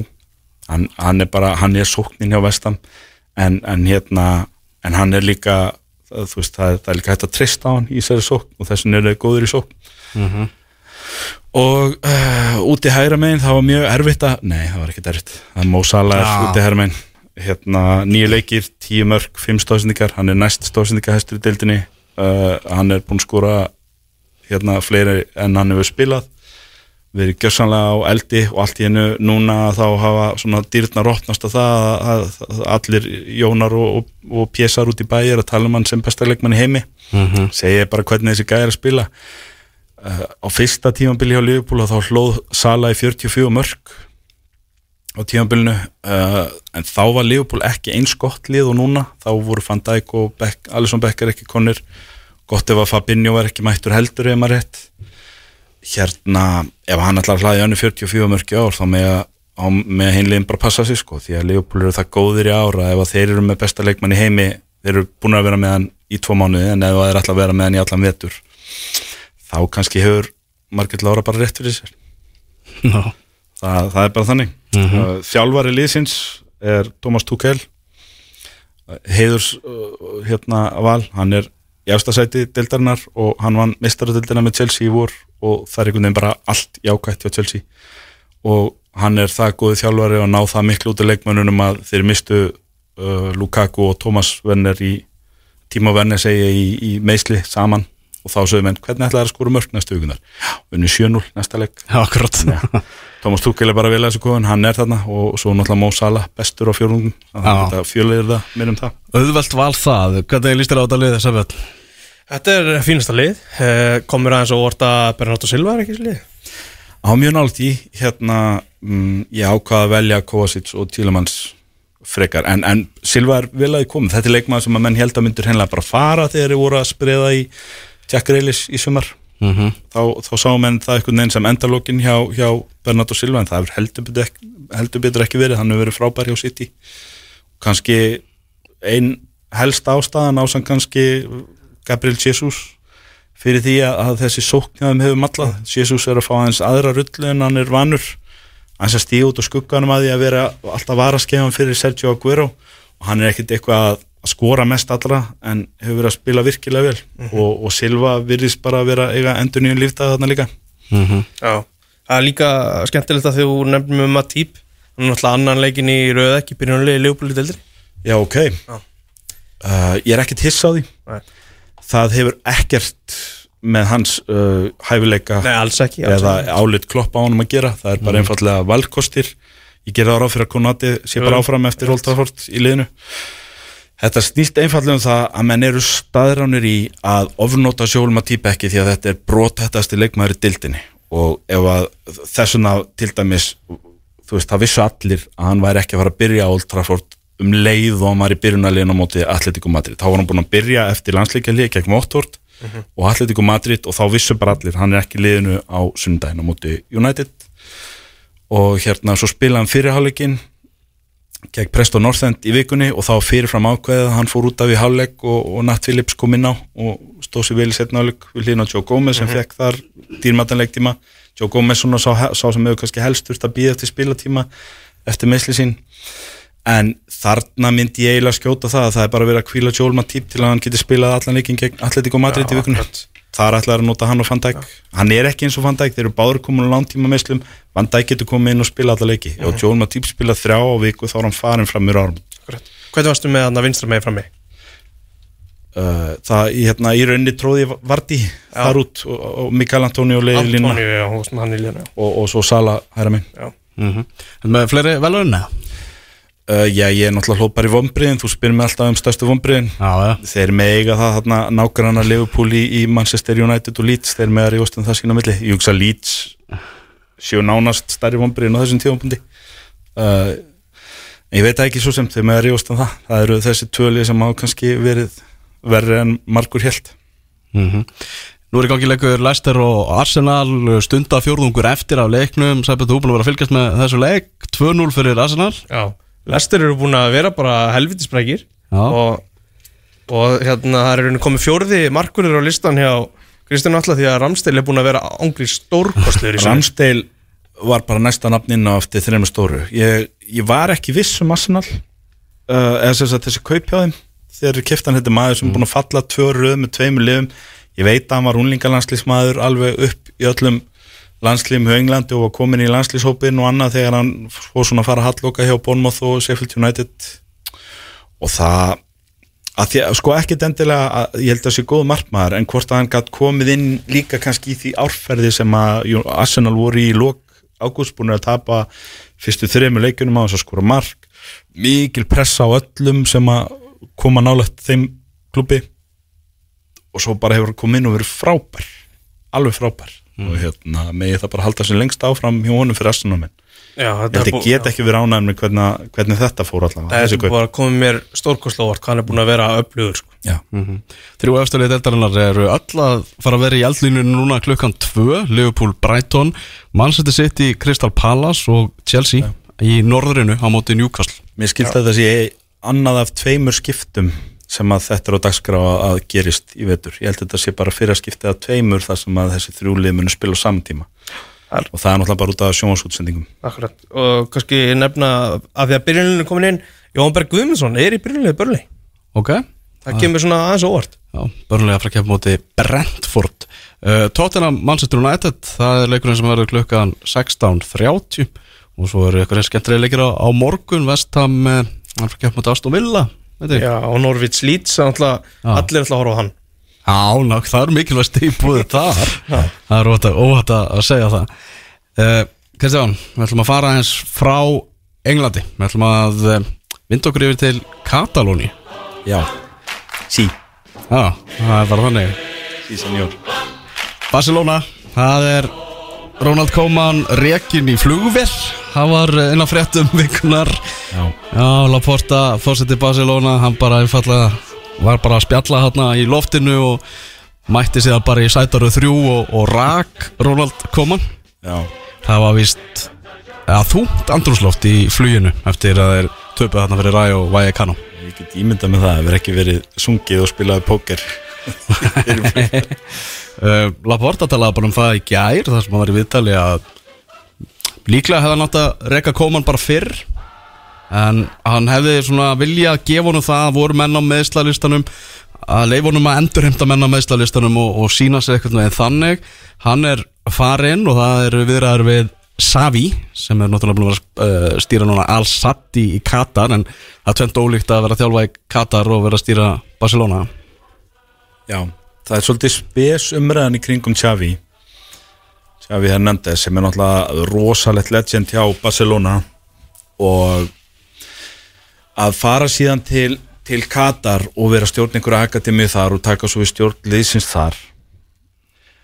Og vera svo allt í einu orðin bara svona einhvern veginn óumdeildur uh, bjargvættur Barcelona. Þannig að það er einhvern veginn eini maðurinn í Barcelona sem að hefur ekki verið samfærður um að Xavi eigi að taka þessu liði næst er Joan Laporta Já, fórst félagsins. Og það náttúrulega eins og Guillem Balagi útskýði grein hjá BBC í vikunni.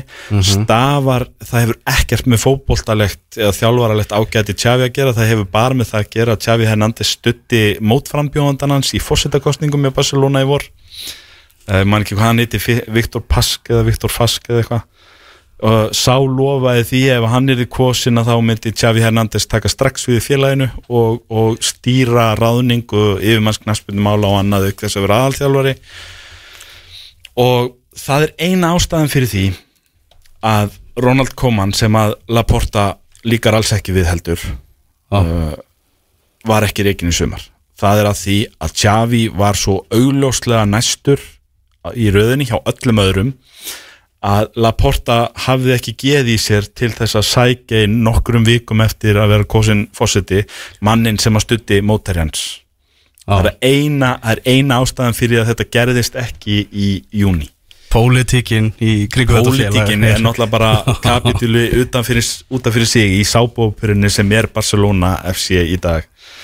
Og hérna motto þeirra með skefum klúb þeir eru náttúrulega meira en klúbur þeir eru sábópura Já. og, hérna, og það heldur bara áfram. Þetta er eiginlega bara fyndið að Laporta er að leka því í bladamenn að hann sé ekki samfærður um Xavi Hernández. Og þeir sé að skoða nokkra kosti og svo svona fær maður fréttir af því í vikunni hann er búin að setja sig í samband við Xavi, þeir eru búin að tala saman síma, þetta er svo mikið leikrit sko, það er, það er verið að reyna að hugsa þér, það er verið að reyna að ráðin þjálfara og það vita allir að það er Xavi Hernández, það, það er bara þannig. Það er engin annar sem kemur til grein í dag. Hann er staðfestur þarna núna fljótlega eftir helgi.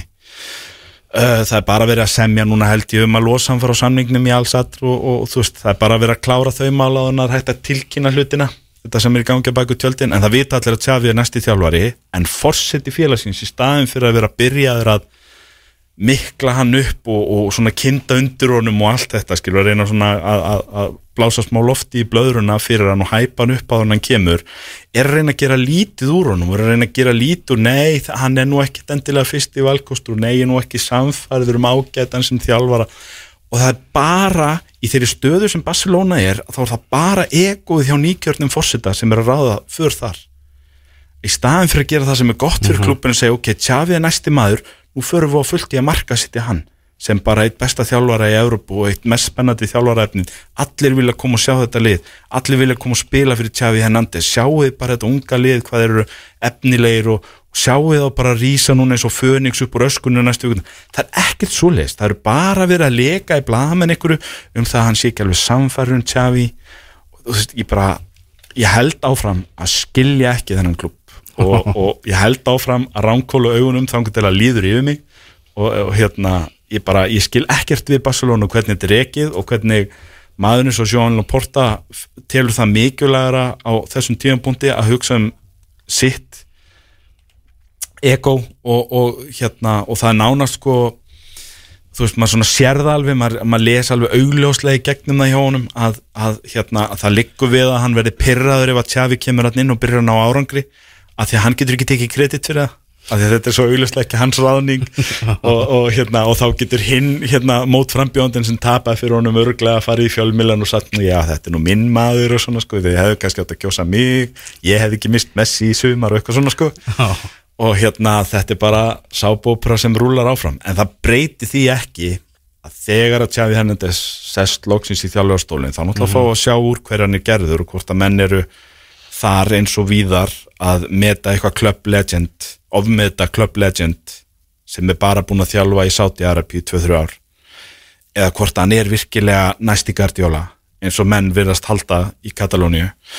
Og sko þetta er greiðlega mikilvæg ráðning fyrir Barcelona að því að þeir eru náttúrulega fjárhagslega alveg út á túnni þessa dagana og þeir eru búin að missa Messi og þeir eru í smá svona það er smá þinga í þeim núna að vera að reyna að spila leiki án Messi og leiki það sem að Messi var vanur að bjarga þeim úr fangelsi á loka mínutunum og svona og þeir hafa það ekki núna. Þetta er einhver síður mjög ungt og spennandi fótboltalið. Já, en vandin er sá að nú eru þeir á klettabrúnni þetta tímabil er make or break tímabil og þessi klúpur verður að ná mestaradildasæti í vor.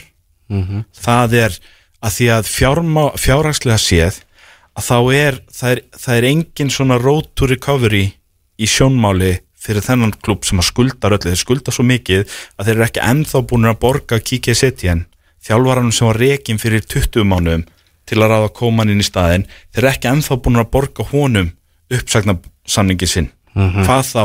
Og nú skuldaður ofan að það kóman og hans teimi ykkur að 15 miljónir evra og þú veist, þetta bara sapnast upp, þeir eru ekki ennþá búin að borga Leopold fyrir Coutinho þú veist, þetta er rosalega skuldsettur klúpur og ef að þeir get ekki, ekki bara upp á það að fá einhvern pening frá UEFA fyrir að spila meistaradeldinni, heldur til að geta haldið áfram að marka sitt að lið.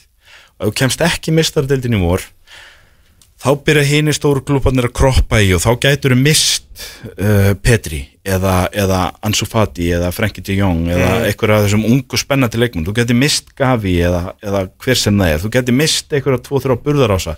Það getur verið að Sergi Busquets og Piqué segir ok, það er komið gott hjá okkur við leggjum skónu á hilluna næsta vor. Og þá er allt einu bara flæðiskir stattu með lið sem er í raunin í dag og við höfum séð sérstaklega í mistardildinni ekki nálægt í á sama leveli og toppliðin í Európu í dag. En þeir eru kannski nóg góði til að ná 3-4 sætinu á spáni ef að vel gengur í vetur. Ef þeir ná því ekki þá kannski getur við mistleikmenn en það sem meira er þeir missa þennan ljóma sem hefur fyllt Barcelona. Það er ekkert til að marka setja næsta sumar. Ef að Xavi vendur vonbröðum þetta lið og er jafnvel bara látin hætta næsta sumar eða eitthvað og þá eru menn bara konir í staðin fyrir að vera kannski á einhvern stað þar sem getur verið árið átjámánuð að jafnaði eftir að Messi fór og liði lent í skuldasúpu að þá getur verið allt í enn að horfa á ykkur 5, 6, 7 ár. Áður en að menn koma aftur upp og verða á þeim stað sem þeir voru. Einmitt líka í þessum pistil sem þú talar um hann sem Balag skrifaði í, á BBC það var nefnitt að hann var gre- greinilega ekki hrifin af svona hvernig Ronald Koeman var að vinna með þessa ungu leikmenn. Líktiði meila við bara svolítið svona höfuleysar hænur einhvern veginn þessir ungu Já. strákar. Það eru náttúrulega efni við erum eftir staðar. Við erum með Petri Gavi, Ansu Fati og, og, og bara marga mest spennandi ungu leikmennum í heiminum í dag í þessu liði, La Masia er ennþá að borga sig. En það er, það er náttúrulega hálf gali ég áttaði mig ekki á því að uh, sagt, uh, Petri er sóttur frá Las Palmas. Ári áður en hann dettur inn í Barcelona liði sem táningur. En Ansu Fati er í rauninu fyrstur af þessum múlingum inn í lið og Francisco Tincao sem er núna farin var seldur upp í skuldir og til að komast undir launathaki seldur til Wolves. Það sem hann er nú kannski reyndar ekkert að gera en frábæra hluti.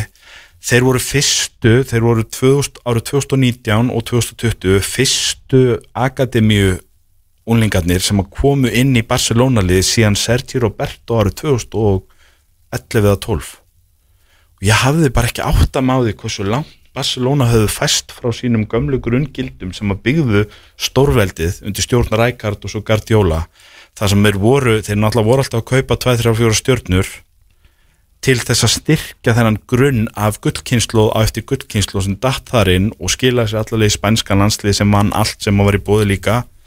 Svo bara allt í nú voru menn hættir því og mér finnst bara galið að hugsa til þess að það við liði eitthvað 7-8 ára á þess að Barcelona tók inn leikmann og La Masia inn í aðlið Það er það, það er galinn tölfræð, ég áttaði mikið á því. Þeir eru náttúrulega bara, La Masia gæti ángríns verið það sem bjargar þeim núna gæti verið það sem að það sem að, að kemur þeim í topp fjóra í ár. En ég er alveg sammála bala ekki í því ég hef hort á Barcelona í vetur ég hef verið aðeins að fylgjast með sábúbrunu Mhm. og þessi, þessi strákar þeir spila allir betur fyrir Spán heldur en fyrir Barcelona. Já, þá er rosalega auðvelt að segja hvað er þjálfarni að gera við hjá Barcelona. Kannski er Xavi Hernandez kannski er hann með skýrari stefn á þetta, hann náttúrulega kemur úr þessar akademi og hann veit um hvað þetta snýst og hann þekki grunngildin hjá Barcelona og hann Koman er náttúrulega legend líka hjá Barcelona en Koman tilherir samt öðrum tíma. Hann tilherir öðrum tíma áður en að tíki taka bildi knaspindinu í rauninu fyrir 15 árum.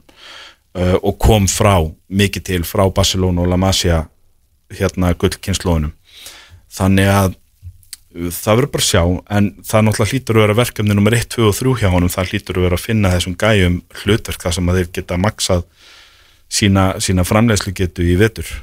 Og ef þeir geta það þá kannski liggur leiðin upp á við. Þeir eru bara 60 frá toppnum. Það er ekkert eins og þessi þetta lýsi eitthvað út á túnni í deildinu ennþá. Þetta er bara skamt liðið á tíðanbilið en eins og þeir hafa verið að spila þá er ekkert sem bendir til þess endilega þessi eitt af fjórum bestu liðum spánar hvað þá eitthvað meira. Og það er bara verkefni á Xavi Hernandez en að því að þetta er Barcelona að þá þarf hann að takast á við það verkefni í innan um fjölmeilasirkus og pressu sem að þekkist ekki einu sinni hjá Liverpool eða Manchester United sko. það, við erum búin að tala með ennska boltan það pressan sem solskerur undir er ekkert á við pressu, eh, hún er það bara í alveg ekkert á við pressuna sem að koman er búin að undir síðustu vikur og Xavi Hernandez gengur inn í núna Mhm, Algjörlega, það verður frólægt að, fylgjast með, með þessu. Leðilegt að geta reyndar ekki hort á spænska boltan lengur í íslensku sjómarpi Maður þarf bara að fara ykkur að sjóræningja leiðir til, að- til að horfa á La Liga. Já, ég, mér varst skemmtilegt skotið þarna hjá Stefánu Pálssoni en við kannski fyrir ekkert frekar yfir það hér. Nei, visslega, visslega fyrir því. Herðu, Kristján Alli, bara afskaplega gaman að fá því að vanda uh, Næsta fjórðungsuppgjör, ég held að það verður bara snemma á nýju ári Held ég, ef að Já, það er yfirleitt svona upp úr árumundum Já, nákvæmlega, þá kemur aftur og þá er, þá er nýtt úrvarslið og, og, og meira stuð, bara takk hjá fyrir að vera með okkur. Við ætlum að halda áfram, að sjálfsögðu, með þáttinn hér á eftir því að við ætlum að ringja til, uh, til DK, það er Aron Nilis Þrándarsson sem ætlar að vera á línunni, hann er heldur betur að gera flotta hluti með OB í Danmörku skoraði í vikunni og er í fanta gýr spurningum að hann verði í landsleisóp sem að verður tilkynntur núna í komandi viku. Búið að flöta til leiksloka á King Power vellunum þar sem að Leicester tapaði 0-2 fyrir Arsenal, Gabriel og Emil Smith- Smith Rowe sem að skoruðu í fyrri hálfleik fyrir Arsenal á 50 og 80 mínútu. Mikkel Arteta, hann brósir út af eirum og einnig Ramsdale sem að átti fanta flottan leik í, í markinu því að Leicester er bara með reynum ólíkindum að þeirra ekki skorað í þessum fótballleik Já, bara Ramstil var maður leiksins í 2-0 sigri í Arsenal sem að veist, og Ramstil bara sína hann hárrétt, hárrétt hérna, ákvörðin hjá Arteta að setja hann anda í marki eftir fyrstu leikina. Og, og þessi frammestæði dag var bara reynd stórkursleg Já, ég hef nú orðið sagt. Heyrðu, það er óskalag, þú ætlar að fá, fá eitt óskalag og erum við ríkjum til í Aron. Rétt. Hvað er þetta? Það er til að ég Broken með Lovely the Band. Já, ég er miklu uppáldið þær Það segir kannski ekki alveg en þetta var er gýrin í dag Vel og ger og Sæbjörn Stænka hérna með ykkur Það er hálftími eftir af þættinum útastættinum fótbolti.net hennan lögadaginn og eh, næsta verk á dagskrá það er að stemplin erlend númer, það er uppáldið mitt uh, ætlum að ringja til Danaveldis þar sem að Aron Þrándarsson er að gera góða hluti Safin. Já, Aron uh, Vikingur mikill og góður og já, hann er búinn að vera þú veist, hvað á maður að segja, hann var verið í svona stöður upp, uppgangur hjá honum síðan hann kom til OP frá hérna uh, vinum okkar í, í Nóri er ekki í Álasund já. hann? Er hérna hann er orðin, svolítið, hann er öðruvísi leikmaður heldur en hann var þegar hann var á Íslandi. Hann er spilar hann stýpra á vellinum og, og, og er mikið í baráttinu á- inn á miðsvæðinu. Já, Aron er á línunni, sætla blessar Aron. Þess að Þegar þarna, Sæbjörn var aðeins að tala um svona hlutverk þitt og hvernig þú hefur svona þróast sem leikmaður og breyst bara síðan varst að, að spila á, á Íslandi hérna, kannski segja okkur bara aðeins frá því Hva, hvernig er hlutverk þitt nákvæmlega í opiliðinu?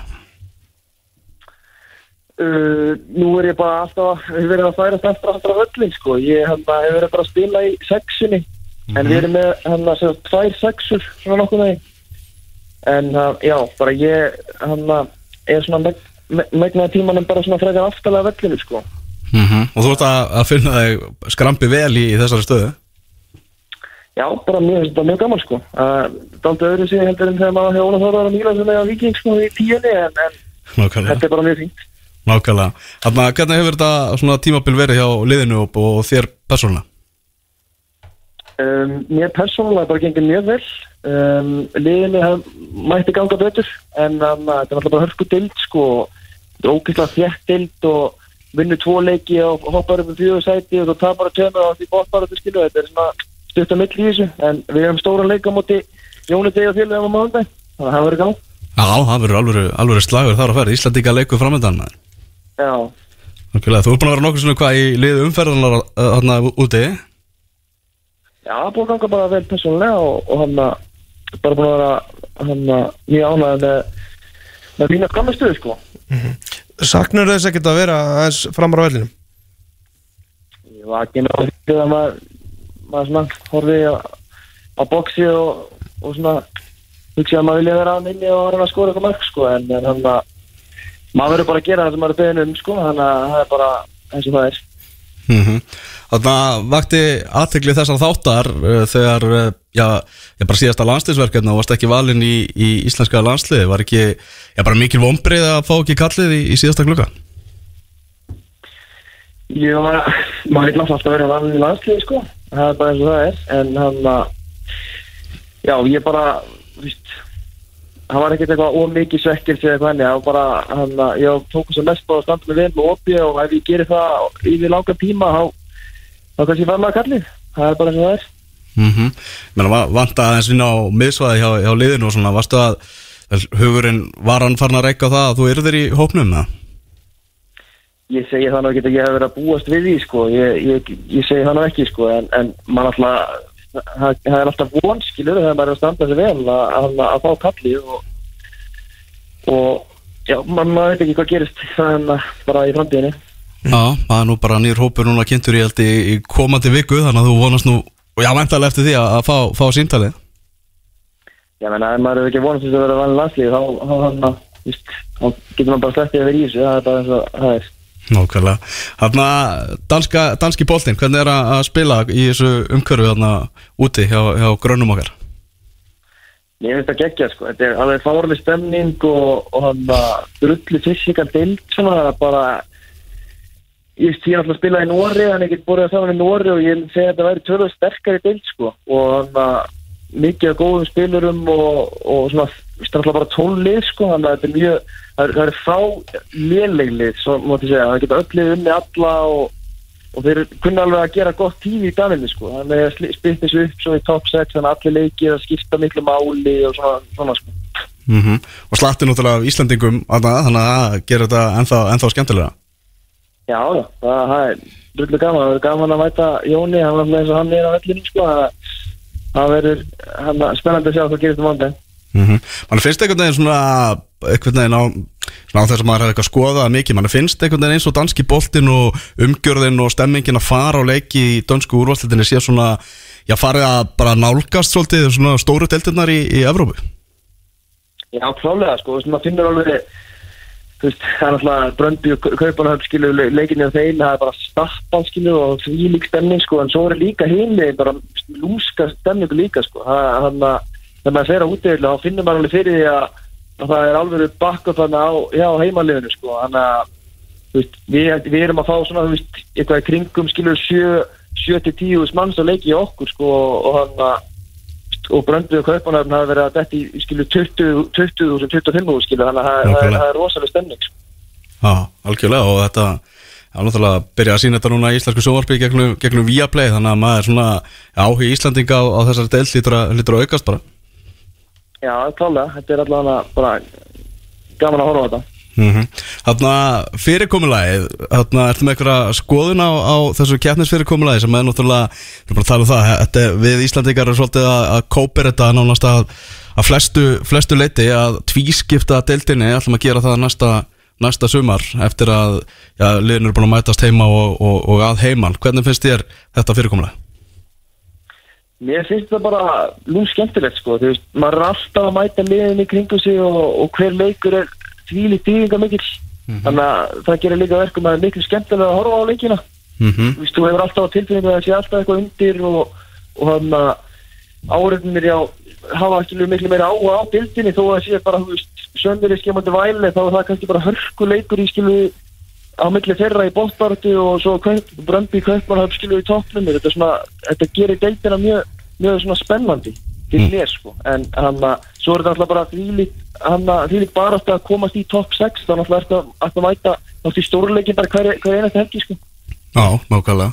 Þannig að þú ert þarna, já, vilt menna það að við séum að fara að stíga hérna á Íslandi bara að skrefi í rétta átt með því að fara, fara í þetta fyrirkomulag? Sko ef við horfum á hann að svona afþreyinguna að horfa á leikina þá held ég að já, minna, það segir sjálf þú ert að fá fleiri stórleiki, bestu liðin er að mætast oftar og, og hann að vestu liðin er að mætast oftar í tíðingum með leikinu bóttbárun þannig að það finnst mér- mér segja sér standi sjálf sko.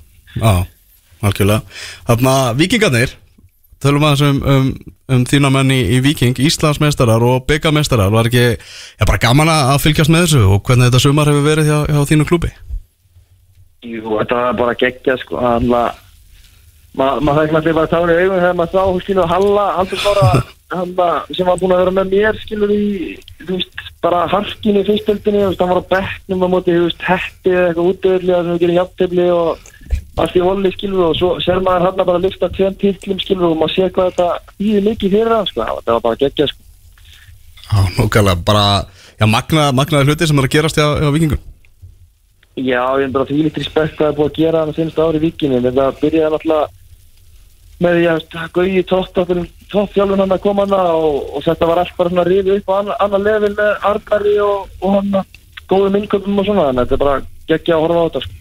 Já, nákvæmlega og, og maður hefur svona á tilfengunni með að við svona hvernig gýrin er menn eru svo langt frá því að vera, vera eitthvað sattir eftir þetta frábæra tímabil menn vilja meira og æfintýrið haldi áfram Já, klálega að, það verður erfitt að gera betur náttúrulega, það er ljóst en, en hann að þetta er svona, þú veist þetta, núna vilja, vilja leikmenn fara í viking það sé þess bara, þú veist, þeir eru að fá hann að flotta, flotta bita á markanum sem að skilu eru mörglið hafa áhuga og það, menn, þetta er bara orðið hann að eftirsóknar verðt að, að mæta í vikina og, og hann að spila skemmtina bolta og já, þetta er bara allt annað þetta er enda það fyrir nokkrum árum, það verður að segjast.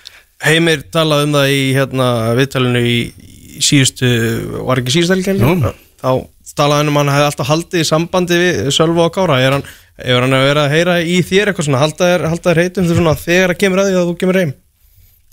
Ég meina, Heimir er, er tótt náðungi og hann, hann, hann, hann ég fæ alveg stundum línu frá hann með hann það sem að hrósamanni og svona annað, það gengur vel og svona annað, þannig að þeir, þeir vita alveg hvað er að gera viknarni sko og, og hann ætla bara að gegja fyrir Kára og Sölva að koma heim og enda þetta svona, það er bara, þetta er það lígilegt sko. Þetta er það sko. En það er ennþá langt í að, að þú komir heim eins og, eins og staðan er núna alltaf Já, eins og staðan er núna, hann var allavega ekki í hugurum að hann væta heim strax sko, Það en, en maður, maður hann að, hvað gerist kannski einhvern mann? Eh, Þú, við, Elva spurði hans út í fyrirkomulegi áðan uh, þessi neðri hlutin að vera í rele- relegation group uh, þessi möguleiki á Evrópusætti í sjöundarsættinu er þetta, er þetta vinsalt í Danmarku?